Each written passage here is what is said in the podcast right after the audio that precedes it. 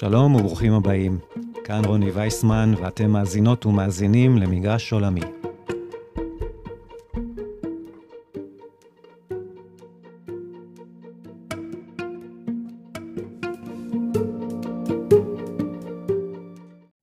היום, 15 בפברואר 2023, מלאה בדיוק שנה לעלייתו לרשת של הפודקאסט מגרש עולמי. שנה שבמהלכה כתבתי והצגתי 16 פרקים בנושאים גיאופוליטיים ועולמיים. לכבוד יום ההולדת הזה, החלטתי לעשות פרק שיסכם את המצב העדכני בנוגע לאותם נושאים שדנתי בהם. בראשם כמובן הפלישה של רוסיה של פוטין לאוקראינה, וכן צפון קוריאה והנשק הגרעיני שבידה, סין, משבר האקלים, מהפכת הבינה המלאכותית והשפעתה על הגיאופוליטיקה, ולסיום גם על משבר הדמוקרטיה הליברלית בישראל. אז בואו נתחיל. בעוד מספר ימים תמלא שנה לפלישת רוסיה לאוקראינה. לפני שנה בדיוק, ב-15 בפברואר 2022, העליתי כאמור לרשת את הפרק הראשון בפודקאסט מגרש עולמי. זה היה בעקבות מספר חודשים בהם צבא רוסיה צר על אוקראינה, לאחר שפוטין השתכנע שוולודימיר זלנסקי פנה באופן סופי אל המערב ונטש כל כוונה למימוש כזה או אחר של ההסכמים שנקראים פרוטוקולי מינסק, בטח לא על פי הפרשנות הרוסית. הערכתי בפרק ההוא שפוטין יפלוש בסופו של דבר לאוקראינה, ושהוא איננו רק מאיים איומי סרק. מניתי שבע סיבות לכך שלדעתי הוא לא ירפה, אך ציינתי שלדעתי הסיבה העיקרית לפלישה הינה גיאופוליטית. רצונה של רוסיה להשיג מעבר יבשתי רחב, רצוף ונוח אל הים השחור, שמאפשר לה יותר אפשרויות מבחינת מסחר וגמישות תגובה צבאית ימית. הסברתי את הבעיה שיש לרוסיה הקשורה בחוסר הגישה שלה לימים חמים שאינם קפואים בחלק מהשנה.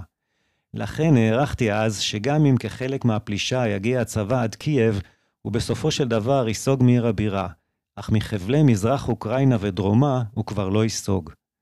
תשעה ימים אחר כך, ב-24 בפברואר, פלש צבא רוסיה לאוקראינה, במתקפה שהחלה בו זמנית מצפון וממזרח אוקראינה. צבא רוסיה הופתע ממידת ההתנגדות העזה, היכולת והנחישות של צבא אוקראינה. כמו כן למד העולם כולו עד כמה הצבא הרוסי הגדול איננו מתוחכם ואיננו כה חזק כפי שחשבו חלק מהפרשנים הצבאיים. למשל, היה לצבא הזה כשל גדול בכך שלא לקחו בחשבון ששיירות הטנקים הארוכות שעושות דרכן אל הבירה קייב חשופות להפצצות מהאוויר.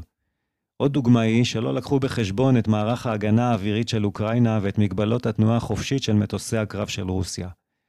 כך נבלמה התקפה מצפון על עיר הבירה, והצבא הרוסי נסוג מהשטחים שפלש אליהם שם. במזרח אוקראינה, לעומת זאת, למרות ההתנגדות העזה, היו לצבא רוסיה הצלחות הרבה יותר משמעותיות. בעצם הוא כבש את רוב שטחי חבל דונבאס, הכוללים את דונייצק ולוגנס, אזורים בדרום אוקראינה על גדת הים השחור, וחלקים המחברים בין אזורים אלה. העולם הדמוקרטי בראשות ארצות הברית הגיב בזעם ומחאה כנגד ההפרה הבוטה הזאת של הסדר העולמי על ידי רוסיה. סנקציות כלכליות הוטלו מיד עליה כמנהג המערב כל פעם שאינו חפץ להשתתף בפועל במלחמה כלשהי כנגד מדינה שמפירה את הסדר העולמי.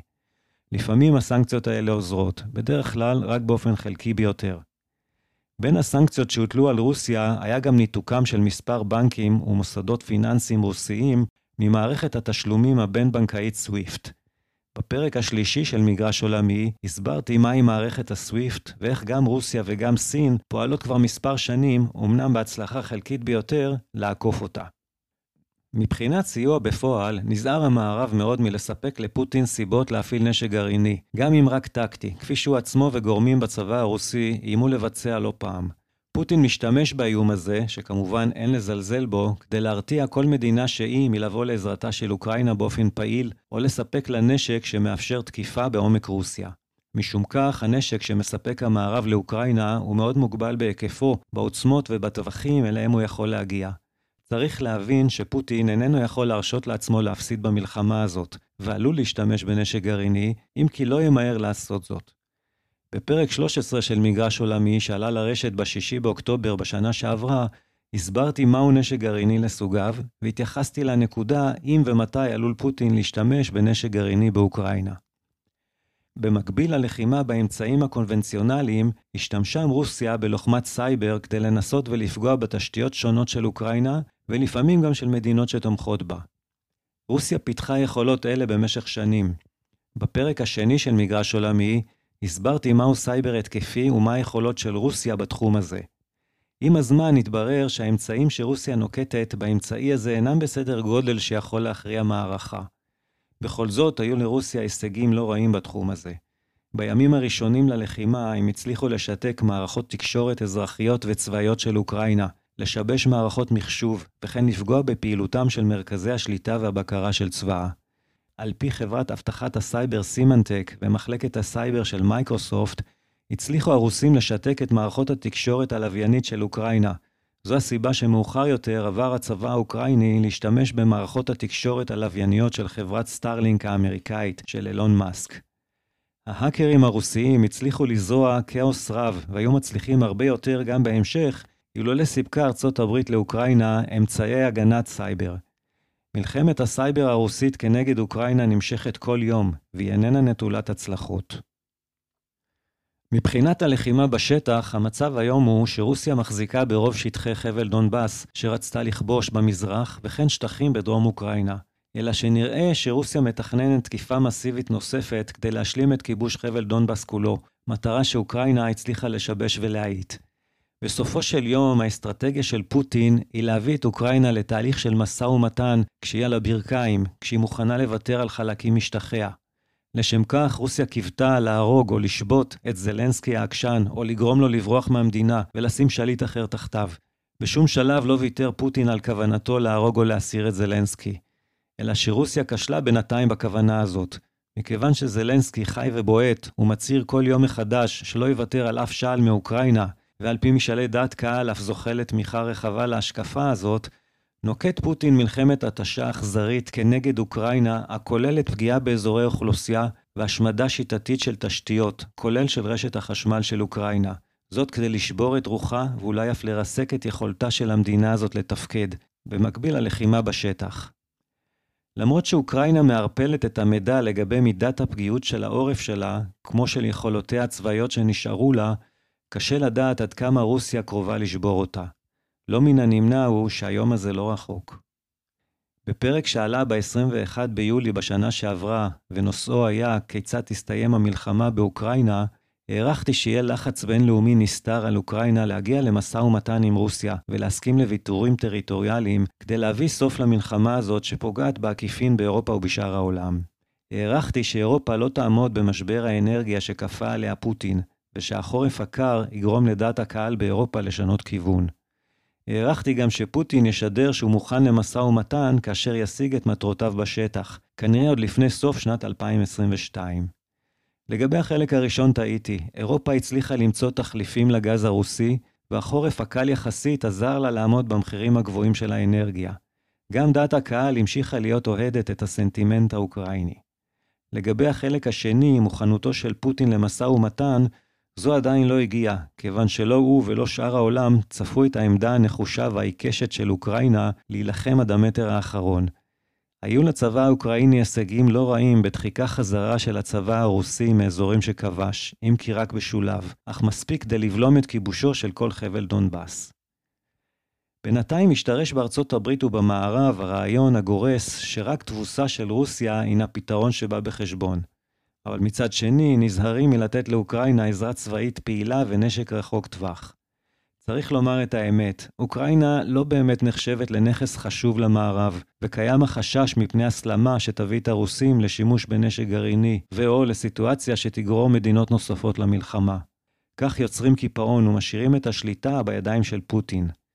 רוסיה ממשיכה במלחמת ההתשה שלה, ומבצרת את הישגיה בשטחים שכבשה כדי להחזיק בהם ואימה. ישנן הערכות שרוסיה מתכננת מתקפה צבאית חדשה כבר החודש, חודש פברואר, או לקראת התקרבות האביב, כדי להשלים את כיבוש דונבאס.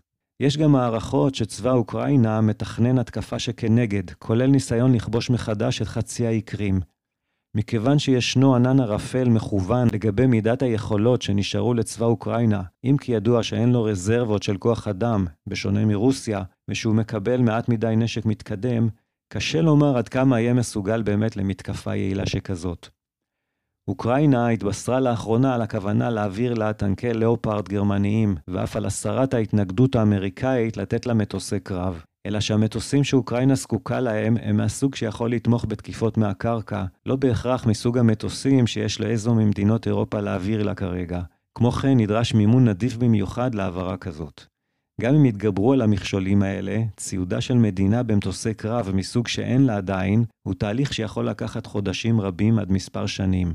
לא בטוח שזה יהיה רלוונטי למלחמה הזאת. לסיכום, יש פה מצב בו שני מנהיגים נחושים להמשיך ולהילחם ולא לוותר.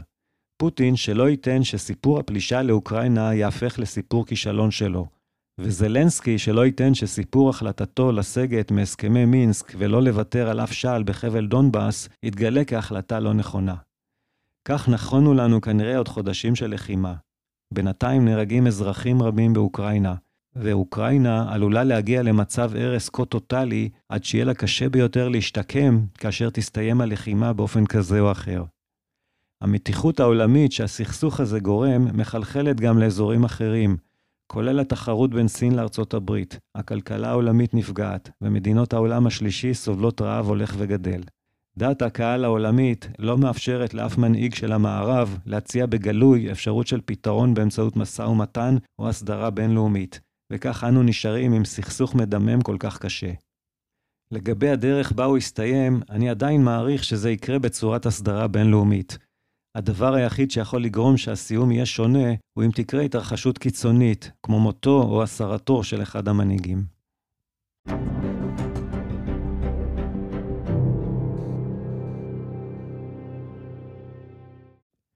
סין היא ללא ספק מדינה מעניינת ביותר, ותפקידה על הבמה הבינלאומית רק הולך ומתחזק, למרות כל ניסיונותיה של ארצות הברית לבלום את התהליך הזה. ב-1 באפריל 2022 העליתי את הפרק הראשון בסדרה להבין את סין 2022. הפרק הזה עסק ביחסים המיוחדים שיש בין המדינה סין לבין המפלגה שהקימה אותה ושולטת בה באופן דיקטטורי, המפלגה הקומוניסטית הסינית. הפרקים שבאו לאחר מכן עסקו בהיסטוריה הקרובה של סין, בהשקפותיה של סין לגבי העתיד, כפי שמשתקפות בנאומיו של מנהיגה ומנהיג המפלגה הקומוניסטית, שי ג'ינפינג. וכן עסקתי בשאלה האם סין מסוכנת לעולם החופשי, כפי שטוענים פוליטיקאים וגנרלים רבים, בעיקר בארצות הברית. בפרק האחרון בסדרה ניתחתי את דבריו של שי ג'ינפינג בקונגרס ה-20 של המפלגה הקומוניסטית שנערך באוקטובר, כדי להבין אם חלו שינויים בהשקפותיו. מאז זרמו עוד מים בנהרות סין, ושלוש שנים של סגרים נוקשים עקב מגפת הקורונה הסתיימו להם ביום בהיר אחד בעקבות הפגנות מחאה שהחלו להתעורר בסין ובעקבות הכרה שהבשילה בקרב שי ג'ינפינג ואחרים סביבו שהפגיעה בכלכלה הסינית עקב אותם סגרים היא כבר קשה וממושכת מדי. סין לא באמת ערוכה להתמודד עם הקורונה ללא סגרים, זאת מכיוון שאין להם מספיק מיטות אשפוז, מספיק תרופות, ובמיוחד מכיוון שג'ינפינג, עקב גאווה לאומית שהיא כרגיל מטופשת כמו בכל מקום בעולם, לא הסכים לייבא חיסונים מבוססי mRNA מהמערב, אלא להשתמש אך ורק בחיסונים סיניים מבוססי וירוס מוחלש. למרות זאת החליט שי להפסיק את הסגרים, ובהמשך גם לפתוח את גבולותיה של סין. הפגיעה באוכלוסייה המקומית, במיוחד באוכלוסייה המבוגרת, הייתה כנראה די גדולה, אך אין דרך לדעת בוודאות עד כמה, כיוון שסין, בהיותה דיקטטורה מלאה, הטילה איפול מלא על מספר המתים. נדרשו גם הפצרות רבות של ארגון הבריאות העולמי עד שהסכימה לחשוף מידע חלקי על הווריאנטים של וירוס הקורונה שהיו פעילים באותו זמן. אך האוכלוסייה ברובה נראה שקיבלה באנחת רווחה את השחרור ממדיניות הסגרים. בכלל, על פי התבטאויותיו האחרונות של שי ג'ינפינג ואחרים בסביבתו, החלה מגמה של חישוב מסלול מחדש במדיניותה של סין במספר תחומים. סין הפחיתה את כמות התמרונים סביב טיוואן, הפסיקה להשמיע התבטאויות חריפות כנגד ארצות הברית והמערב, עשתה שינויים באיושם של דיפלומטים, למשל שגריר סין בארצות הברית, לטובת מה שנראה כמו הפסקת מדיניות לוחמי הזאב האסרטיבית בדיפלומטיה העולמית, והכריזה שתמשיך לעודד ולהגן על השקעות זרות בסין. למרות שזה לא אופייני לסין, היא אף לא נקטה בינתיים כל צעדי תגובה כנגד תקנות הגבלת הייצוא של רכיבים מתקדמים וציוד לייצורם מארצות הברית, והיא אף חידשה את המסחר עם אוסטרליה תוך מהלכי חימום היחסים הדיפלומטיים איתה שהתערערו בתקופת הקורונה. בבית פנימה, נוסף על הקלות הקורונה, הורידה המפלגה הקומוניסטית הסינית את הלחץ מעל חברות האינטרנט שלה ומנהליהם, מה שאפיין את מדיניותו של שי ג'ינפינג בשנים האחרונות, ואשר נתפס במערב כנסיגה ממדיניות השוק החופשי בתוך סין. אז יש לקוות שמה שאנחנו חווים כעת זו אכן התמתנות בלאומנות ובאסרטיביות הדיפלומטית הסינית, שהחלה לנקוט בתגובה לצעדים הכלכליים כנגד סין שנקט דונלד טראמפ ונמשכים בעידן ביידן. יש סימנים רבים לכך ששי ג'ינפינג החליט לקחת כמה צעדים אחורה, או לעשות איתחול מחדש, לרבדים רבים במדיניות שלו, מתוך הכרה שמה שעשה עד עתה לא עזר לסין. מאוד ייתכן שהוא ינקוט כעת יוזמה כדי לחמם את היחסים עם ארצות הברית, למרות עמדתה שהופכת נוקשה יותר ויותר, וזאת כדי לנסות ולהנשים את תעשיית ההייטק הסינית, שתלויה לפחות לעוד עשר שנים ברכיבים וטכנולוגיות אמריקאיות ומערביות. בנוגע לצמיחה הכלכלית בסין באופן כללי, ראינו בשנה שעברה נתון צמיחה של 3%, שהוא הנמוך ביותר מאז 1976, אם לא מתחשבים בשנת הקורונה הראשונה 2020, והוא רק מעט יותר ממחצית היעד של 5.5% שהציבה המפלגה הקומוניסטית בתחילת השנה. למול הצניחה הבלתי נשלטת של מגזר הנדל"ן בסין וכניסת חברות נדל"ן גדולות לחדלות פירעון, נקט הממשל הסיני מספר פעולות להגנה על הצרכנים הסינים ועל בנקים, ומצד שני הוא מנסה לווסת את ההשקעות במגזר הזה. גם בתחום התשתיות כנראה שסין תרסן השקעות. כדי לקזז את הירידה הצפויה עקב כך בצמיחה הכוללת, הציבה הנהגת המפלגה את היעד של הגברת הצריכה המקומית. זהו צעד מתבקש, ומיטב האנליסטים המקרו-כלכליים סברו שעליה לעשות כך כבר מזמן.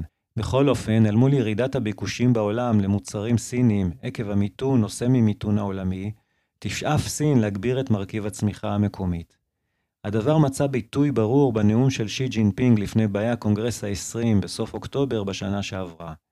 הדרך לעידוד הצריכה המקומית היא באמצעות העלאת משכורות בקרב חלקים נרחבים של המשק, למשל על ידי קביעת חוקי שכר מינימום, העלאת כמות ורמת תשלומים בנוסח ביטוח לאומי ועוד. הדבר ידרוש הסטת תקציבים שקודם לכן הוקצו לתשתיות ונדל"ן, אך כדי שהדבר לא יפגע בהשקעות בתחום הפיתוח הטכנולוגי של סין, תצטרך המפלגה הקומוניסטית הסינית להרגיע את משקיעי החוץ ולמשוך שוב כמה שיותר כסף לתעשיות שלה, מתוך כוונה שחלק הולך וגדל יושקע בחברות הייטק ותעשיות שאינן דווקא קשורות בייצור זול של מוצרים כאלה ואחרים. עקב כל הגורמים שציינתי, אחוז הצמיחה השנתית הכולל של סין צפוי להישאר כמו השנה באזור 3-4 אחוזים, ולא יגיע כנראה לאותן רמות להן הורגל העולם ב-20 השנים האחרונות. וכאמור, נראה סין פחות מיליטנטית, גם צבאית וגם מדינית.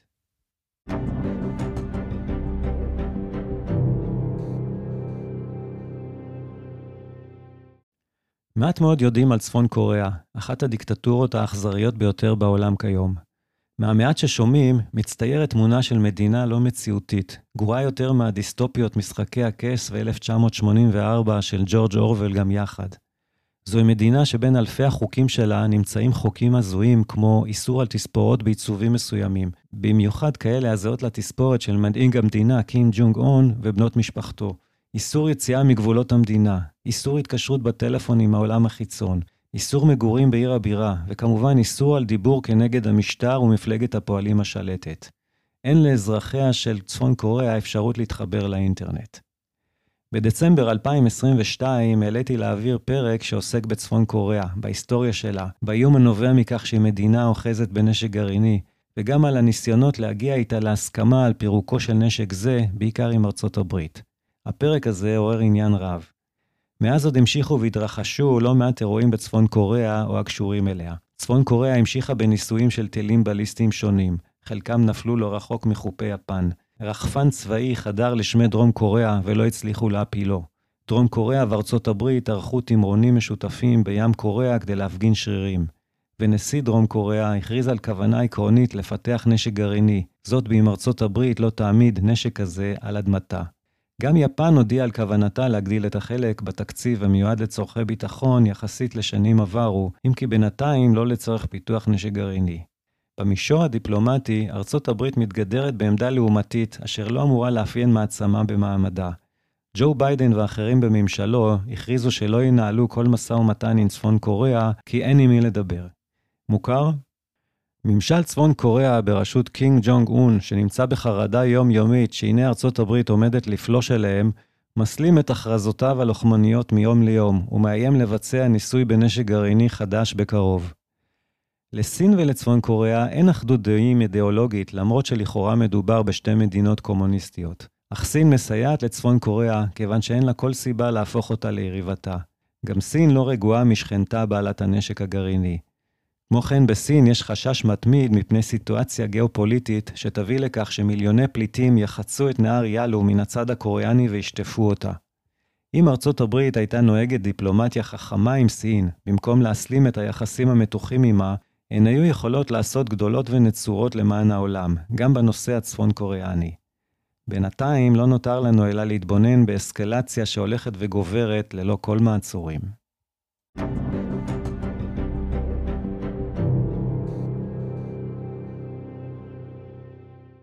באוגוסט שנת 2021 פורסם על ידי הפאנל הבין-ממשלתי לשינויי האקלים, ה-IPCC, דוח שמסכם את המחקר המדעי שעוסק בשינויי האקלים, ואשר מצביע על קשר מדעי מובהק בין פליטת גזי חממה והתחממות כדור הארץ, לטובת מי שעוד לא השתכנע. הדוח הזה נתן תוקף מדעי נוסף לדעה המדעית שכבר התקבלה בעולם, ואשר הביאה להתארגנות מבורכת של רוב אומות העולם באמצעות האו"ם, לנקוט צעדים להפחתה משמעותית של פליטת גזי חממה, במיוחד של פחמן דו-חמצני, שרובו נוצר בתהליך ייצור חשמל. העולם כבר התחמם ביותר ממעלה בממוצע, יחסית לטמפרטורות שנמדדו לפני המהפכה התעשייתית של המאה ה-19. והמטרה שנקבעה היא לגרום לכך שהטמפרטורה הממוצעת לא תעלה ביותר ממעלה וחצי צלזיוס סך הכל עד סוף המאה. כדי לעמוד ביעד הזה, נקבע שפליטת פחמן דו-חמצני תתאפס עד שנת 2050. באוגוסט של השנה שעברה העליתי סדרה קצרה בת שני פרקים שמתארת את הרקע המדעי של ההתחממות הגלובלית. האמצעים שננקטים ומתוכננים להינקט כדי להגיע למטרה של אפס פחמן בשנת 2050, בעיקר המעבר לאנרגיות מתחדשות. והראיתי שעל פי כל התחזיות, מדינות העולם, ודווקא אלה שפולטות הכי הרבה פחמן דו-חמצני, כמו ארצות הברית, סין, הודו ועוד, לא תעמודנה ביעד החיוני של מניעת האסון המתרחש על האנושות, מבלי להשתמש באנרגיה גרעינית. לשמחתנו, התפיסה הזאת החלה לחלחל אל חלק ממדינות העולם. גרמניה הודיעה שהיא מעכבת סגירת כורים גרעיניים שעמדה לסגור. יפן שוקלת מחדש להקים כורים גרעיניים. וסין והודו כבר היום משתמשות בכורים בתמהיל האנרגיה שלהם, והמרכיב הזה מתוכנן לגדול. אלא שזה לא מספיק, והחלטות על הקמת כורים גרעיניים לצורך ייצור חשמל צריכות להילקח במדינות נוספות. דווקא צרפת, שרוב ייצור החשמל שלה מקורו בכורים גרעיניים, ואשר גם מייצאת חשמל לשכנותיה הודות לכך, חוותה בעיות אקלימיות שפגעו ביכולת הזאת. התייבשות של נהרות שמימיהם משמשים לקירור הכורים הגרעיניים וגלי חום אילצו סגירה של חלק מהכורים, וחלק אחר נאלצו להיכנס לתקופות של בדיקות ותיקונים עקב גילם של כורים אלה. כל זה גרם לכך שצרפת הפכה למשך תקופה מסוימת ליבואנית של חשמל במקום יצואנית. המצב העדכני של הפרויקט העולמי לעצירת ההתחממות הגלובלית ולטיפול בתופעות אקלים שכבר מתרחשות, נידונו בהרחבה בוועידת האקלים של האו"ם שנערכה בנובמבר של השנה שעברה בשארם א-שייח שבמצרים. לא מעט חילוקי דעות התגלעו במהלך הוועידה הזאת, אך מה שמדאיג ביותר הוא שרוב המדינות בעולם לא השלימו עדיין את עריכת והגשת התוכניות שלהן לצמצום פליטת גזי החממה, ביניהן גם פולטות גדולות כמו אוסטרליה ואינדונזיה. ככה לא מצילים עולם. הבעיה מספר אחת של האנושות לא מטופלת בקצב מספק. שיקולים קצרי טווח מכריעים את אלה ארוכי הטווח אצל יותר מדי מנהיגים ומנהיגות עולם. ראוי היה אם הייתה ארצות הברית נוקטת את עמדת המבוגר האחראי, חותרת לפיוס עם סין, ויחד עימה ועם האיחוד האירופי, מאיצה תוכניות וסיוע לעולם השלישי כדי להשלים את התוכניות לריסון ההתחממות ואף להאצתן, בכל דרך, כולל הקמה של כורים גרעיניים ליצירת חשמל. ייתכן ושוב יצטרכו מפגינים לצאת לרחובות כדי ללחוץ על מנהיגיהן לפעולה נמרצת. בישראל, אגב, המלחמה בשינויי האקלים נדחקת אל סוף רשימת היעדים, הרבה אחרי סיפוח יהודה ושומרון, הפיכת המדינה למדינת בעלות אופי תיאוקרטי, כלומר מדינת הלכה, והגדלת המשילות של שליט מושחת כזה או אחר, תוך ריסוק מערכת המשפט. לגבי העולם, המדינות יצטרכו להראות תוצאות מעודכנות בוועידת האקלים ה-28 שתארך בסוף 2023 באיחוד האמירויות.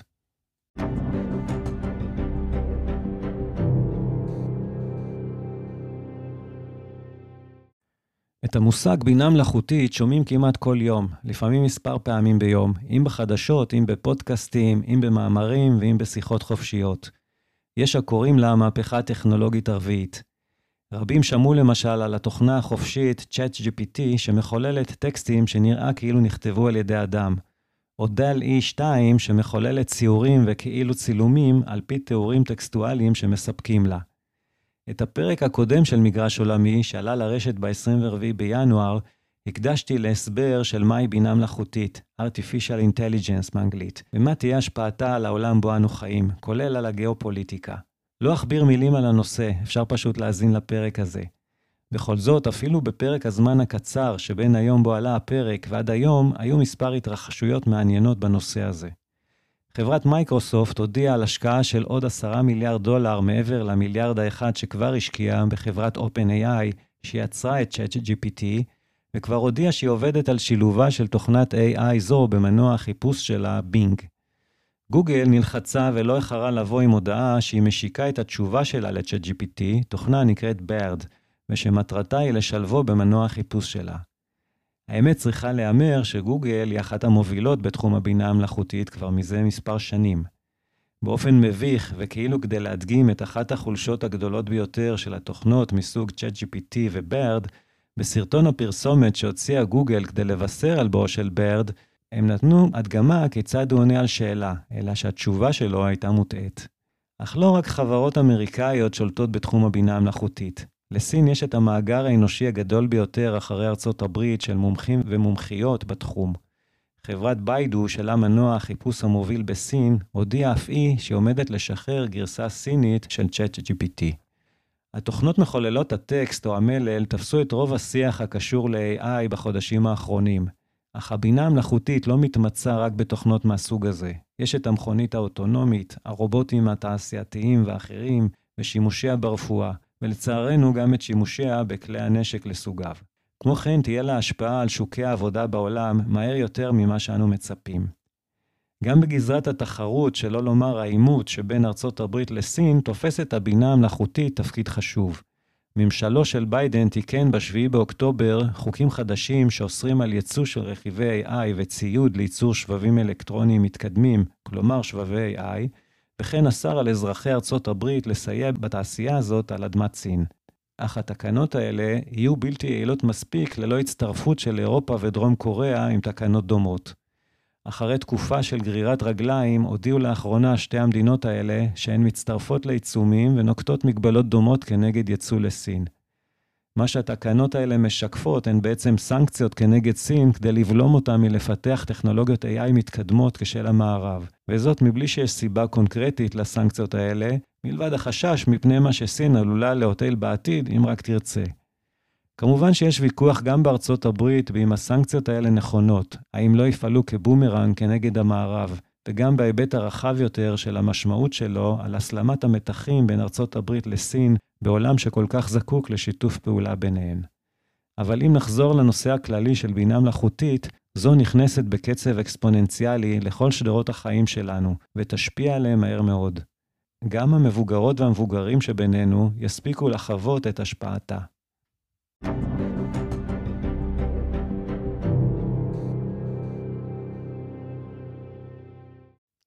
העיקרון הגרעיני של שיטת המשטר הדמוקרטית הוא שלאזרחי המדינה יש את הזכות להשפיע על הריבון ששולט בהם באמצעות בחירות, הבעת דעה פוליטית, התאגדות במפלגה פוליטית המשתתפת בבחירות והתמודדות בבחירות. עיקרון מפתח הוא שהכרעות הן על בסיס רוב קולות. על בסיס ההגדרה הזאת מושמעות כבר זמן רב, אך ביתר שאת באחרונה, טענות מצד הימין הפוליטי בישראל, זה הלאומי, הלאומני והדתי, שהעובדה שהכרעת הרוב נתנה את השלטון בידי הקואליציה שהם יצרו, נותנת לה לגיטימציה לבצע שינויים עמוקים, עד כדי שינוי השיטה המשטרית. על פניו, הטיעונים יכולים להישמע משכנעים, הרוב בחר, הרוב החליט, הרי זוהי מהות הדמוקרטיה. האם כך? על רקע השאלה המהותית הזאת, הכנתי והעליתי לשידור ב-11 בספטמבר של השנה שעברה את הפרק על דמוקרטיה, ליברליזם ומה שביניהם. היה לי חשוב ללבן עם עצמי ואחר כך גם לשתף את ההבדלים הגדולים שיש בין הרעיון הבסיסי של שלטון הרוב בדמוקרטיה לבדו, לבין הרעיונות הנשגבים שהוסיפה עליו תפיסת הליברליזם, זו שלקח לה כ-800 שנה כדי להבשיל. רעיונות כגון חשיבות שלטון החוק והציות לו, כולל שוויון הכל אל מול החוק, הגנה על זכויות וחירויות הפרט כנגד עריצות אפשרית של שלטון הרוב, הפרדת הרשויות כאמצעי הגנה ובקרה אחת על השנייה ועוד. החידוד הזה מאפשר להבין ביתר בהירות את הסכנות הנובעות מקבוצת החוקים שמקדמת בימים אלה הקואליציה בישראל, שכוונתם היא לפגוע באיזון שבין הרשויות בישראל, כך שעצמאותה של הרשות השופטת תיפגע לטובת חיזוקה של הרשות המבצעת, המשילות כדבריהם. וכך יוצא שרבים בקואליציה ובקרב בוחרי המפלגות שמרכיבות אותה, תומכים בשינוי המשטרי הזה תוך התכסות באצטלה של בחירת הרוב, אם מתוך בורות ואם מתוך כוונה יתרה. המקרה של בנימין נתניהו הוא יותר מיוחד. על פי החלטותיו והכרזותיו בעבר, ניתן לדעת בוודאות שהוא מכיר בחשיבות של הדמוקרטיה הליברלית, אך אין לו שום בעיה כעת לרסק אותה, קרוב לוודאי מתוך שיקוליו האישיים להימלט מאימת גזר הדין במשפטים המתנהלים נגדו. המחאות הרחבות הנערכות היום כנגד החוקים הללו מפספסות לפעמים את המוקד. יש יותר מדי הפגנות מול בתיהם של קבלני הביצוע, יריב לוין, רוטמן ואחרים בקואליציה, ופחות מדי התמקדות במוח המתכנן מאחורי המהלך הזה, נתניהו. כדי לעשות קצת סדר, אעבור בקצרה על שורת החוקים שנתניהו ואנשיו מעבירים בימים אלה בכנסת ישראל, ונראה למה זו מהפכה שלטונית. חוק מספר 1 קובע שלקואליציה ולנציגיה יהיה רוב של שבעה חברים בוועדה לבחירת שופטים, מתוך סך 11 החברות והחברים בה, כאשר יידרש רוב של שישה לבחירה של שופט או שופטת. המשמעות היא כמובן שכל בחירה תהיה על פי נציגי הקואליציה, ולדעתם של שאר החברים בוועדה לא באמת תהיה השפעה. כלומר, שופטות ושופטים ימונו למעשה על ידי הממשלה או קרואיה. שניים, הוועדה לבחירת שופטים היא גם זו שתמנה את נשיאת או נשיא בית המשפט העליון, במקום הנהוג היום שזו בחירה אוטומטית של השופט או השופטת הוותיקה ביותר, מה שקוראים שיטת הסניוריטי. צריך להבין שהשיטה הנהוגה היום לבחירת נשיא בית המשפט העליון לא נקבעה סתם, אלא כדי לנתק כל זיקה בין הרשות המבצעת לבין זהות הנשיא או נשיאת העליון. שוב, יש פה חוק חדש שקובע שהממשלה או קרואיה יהיו אלה שיבחרו את נשיא בית המשפט. החוק השלישי בחבילה קובע שבית המשפט לא יוכל לדון בחוקי יסוד. חוק כזה יכול היה להתקבל כהגיוני באם חוקי היסוד שלנו היו מוגדרים היטב במסגרת חוקה שחוקקה בהסכמה רחבה, או שהיו נבחרים ברוב מוחלט של חברי הכנסת, למשל של 80 חברות וחברים. כיוון שאין בישראל חוקה, נקבע כבר בשנות ה-50 של המאה שעברה, שחוקי היסוד יהיו אלה שיהוו את התחליף לחוקה. עוד נקבע באופן הגיוני שחוקי יסוד הם בעלי מעמד על-משפטי עדיף על פני חוק רגיל, ולכן כאשר חוק רגיל סותר חוק יסוד, הוא עלול להיפסל בידי בג"ץ. אלא שהאבסורד הוא שמה שקובע אם חוק הוא חוק יסוד או חוק רגיל, הוא לא שחוק יסוד אושר ברוב מוחלט כזה או אחר המבטא הסכמה רחבה, אלא צורתו, כלומר שבכותרתו מופיעה הכרזה שזהו חוק יסוד. נכון, נקבעו עוד קריטריונים, אך אלה מעורפלים למדי. נקבע שחוק יסוד צריך לבטא את שני עקרונות היסוד של המדינה, היותה יהודית ודמוקרטית, לבטא ערכים מרכזיים, להגדיר את הרשויות והיחסים ביניהן ולעגן את זכויות האדם, האזרח והמיעוט. כאשר יש ספק לגבי חוק, האם חוק יסוד או חוק רגיל, נקבע שהמבחן הצורני הוא הקובע, כלומר אם מופיע הציון בכותרת החוק שזהו חוק יסוד. חוק מספר 4 בשורת החוקים החדשים. פסילת חוק הנוגד חוקי יסוד תהיה אפשרית רק אם כל 15 שופטי בית המשפט העליון ידונו בו וכולם פה אחד יפסלו אותו. בטיוטת החוק הראשונה דובר על רוב נדרש של, של לפחות 12 מכל שופטי העליון, כלומר 80% מהם. המצב היום הוא שכל בית משפט בכל ערכאה יכול לקבוע שחוק הוא סותר חוק יסוד. פה ניתן היה להתווכח שהמצב היום הוא מרחיב מדי, אבל החקיקה החדשה מבקשת להערים קשיים בלתי סבירים על ביטולו של חוק הסותר חוק יסוד. 5. התגברות על פסילת חוקים ברוב של 61 חברי כנסת בלבד. כלומר, הקואליציה היום אומרת, גם אם ייפסל חוק על ידי כל שופטי בית המשפט העליון, יכולה הכנסת לחוקק את אותו חוק מחדש, בתנאי שיהיו לו רוב של 61 חברי כנסת, מה שמן הסתם יש לכל קואליציה, וכך תבוטל פסילתו על ידי בג"ץ. החוק השישי עוסק בביטול עילת הסבירות בהחלטות בג"ץ. כלומר, לבית המשפט העליון לא יינתן שיקול הדעת להכריע מה נחשב סביר. למשל, האם מהלך של פיטורי שר לביטחון פנים עקב היותו מועמד לדין היא סבירה או לא. והחוק השביעי נוגע למינוי היועץ המשפטי לממשלה והיועצים במשרדים, וקובע שהוא יהיה בידי הממשלה והשרים, וכן שחוות דעתם המשפטית לא תהיה עוד מחייבת את הממשלה. בנוסף, תשובותיה של הממשלה בעתירות לבית המשפט העליון כנגדה, יוכלו להינתן על ידי ייצוג משפטי עצמאי שיילקח מתוך המגזר הפרטי. המצב היום הוא שהיועצים המשפטיים מפרשים לממשלה את החוקים, והרבה פעמים עוצרים פעולות של חבריה עוד לפני ביצוען, מתוך הבנה שאלה ייפסלו כלא חוקיים על ידי בית המשפט. כך הם חוסכים עלויות רבות והתפלמסויות מיותרות של הרשות המבצעת אל מול הרשות השופטת. כאן מבקשת הקואליציה לקבל חופש התפלמסות אינסופי מול בית המשפט, בתקווה שזה יאפשר להם להעביר החלטות כראות ליבם, גם אם מומחה משפטי יקבע במידה גבוהה של סבירות שאלה לא יעמדו במבחן המשפטי.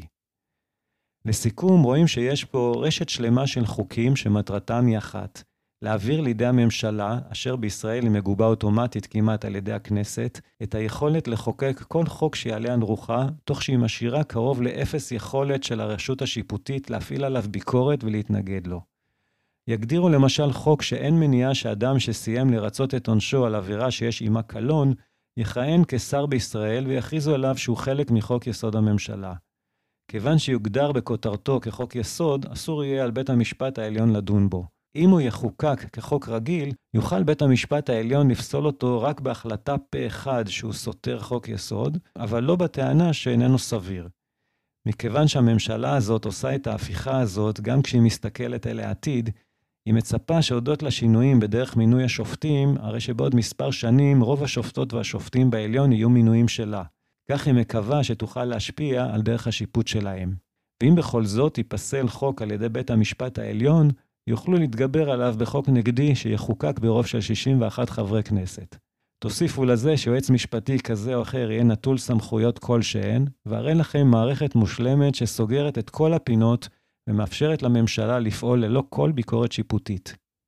הבאתי כדוגמה את מה שמכונה חוק דרעי, אבל לאחר השלמת המהפכה השיפוטית הזאת של הקואליציה, תיסלל הדרך להעביר בקלילות כל חוק, למשל חוק יסוד המבטל כל מגבלה על מספר קדנציות של נבחר ציבור. חוק חנינה אוטומטית לראש ממשלה, או יותר טוב, חוק איסור פתיחת הליכים משפטיים כנגד נבחר ציבור מכהן, כולל החלה על הליכים משפטיים שנפתחו בעבר. ולמה להסתפק בחוקים בזירת הממשל? הרי יש לנו פה חברי קואליציה מהמגזר החרדי. יהיו לנו פה במהרה חוקים כמו איסור עירוב נשים וגברים בכל התכנסות של מעל עשרה בני אדם, איסור לבישת בגדים קצרים במרחב הציבורי, איסור כל פעילות שהיא בשבת, ועוד ועוד. זו הסיבה שהמתנגדים למהלכים האלה של הממשלה הנוכחית, ואני ביניהם, רואים בהם את ערש הדמוקרטיה הליברלית בישראל. לא עוד זכויות וחירויות אדם כלשהן, רק משילות. הפרמטרים הבאים יבטיחו שהמצב החדש הזה, לצערנו, לא ישתפר. האחד הוא שהדמוגרפיה של ישראל צופה באופן טבעי שמרכיב החרדים באוכלוסייה רק ילך ויגדל. השני הוא שהשארת ישראל במצב סכסוך תמידי עם הפלסטינאים מבטיחה עימות וטרור מתמשך, ולכן שיהיו מספיק מצביעות ומצביעים לימין. זאת בנוסף לימין האידיאולוגי, שחלקו הדתי אף הוא הולך וגדל באוכלוסייה. לכן לא צפויה קואליציה שתהיה מורכבת מחילונים ליברליים בכל עתיד שהוא. המצב נראה בלתי הפיך וחסר מוצא, אם את חילונית או אתה חילוני, ומחזיק בהשקפות של כבוד האדם וחירותו.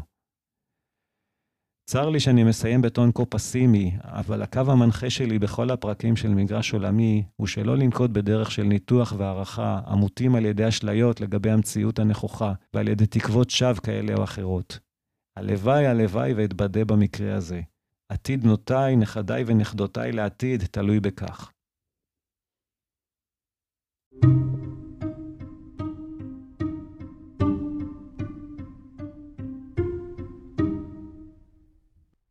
לסיכום, המצב הגיאופוליטי העולמי רחוק מלהיות מזהיר.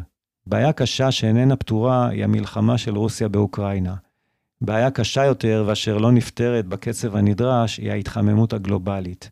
כמובן שיש עוד נוספות, הנשק הגרעיני בידי צפון קוריאה, האיום הגרעיני מצד איראן, ההסלמה ביחסים בין ארצות הברית לסין, כולל אי הבהירות לגבי עתיד טיוואן, החשש ממיתון כלכלי עולמי ועוד. וכמובן שיש את נפילת הדמוקרטיה הליברלית בביצה הקטנה שלנו, שצפויה לפגוע קשות בחירויותינו. מבחינת הפודקאסט מגרש עולמי, זו הייתה שנה מאוד מעניינת, ועוד נושאים רבים לפנינו. בשנה הקרובה אני מתכוון להמשיך ולעסוק בסין הקומוניסטית וגם ביחסים בינה לבין ארצות הברית ובינה לבין רוסיה. כמו כן, צפון קוריאה בטוח שתמשיך להיות נושא מעניין, וכך גם נושא האנרגיה והבינה המלאכותית.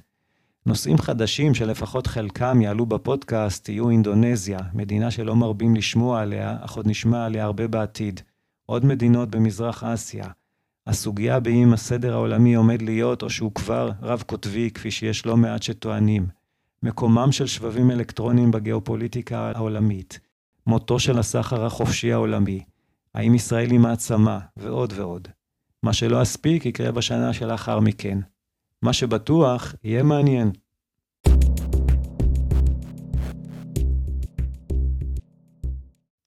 הגענו לסופו של הפרק הזה. תודה על ההאזנה. אם מצאתן או מצאתם עניין בפודקאסט מגרש עולמי, שתפו את עובדת קיומו עם כל מי שאתן חושבות או אתם חושבים שעשוי גם כן למצוא בו עניין, ואל תשכחו לעשות לו לייק. מי שמעוניינת או מעוניין לקרוא את התמליל המלא של כל הפרקים של מגרש עולמי ששודרו עד היום, מוזמן להיכנס לאתר האינטרנט של מגרש עולמי, wordplayfield.com. לינק תוכלו למצוא בתיאור של הפודקאסט.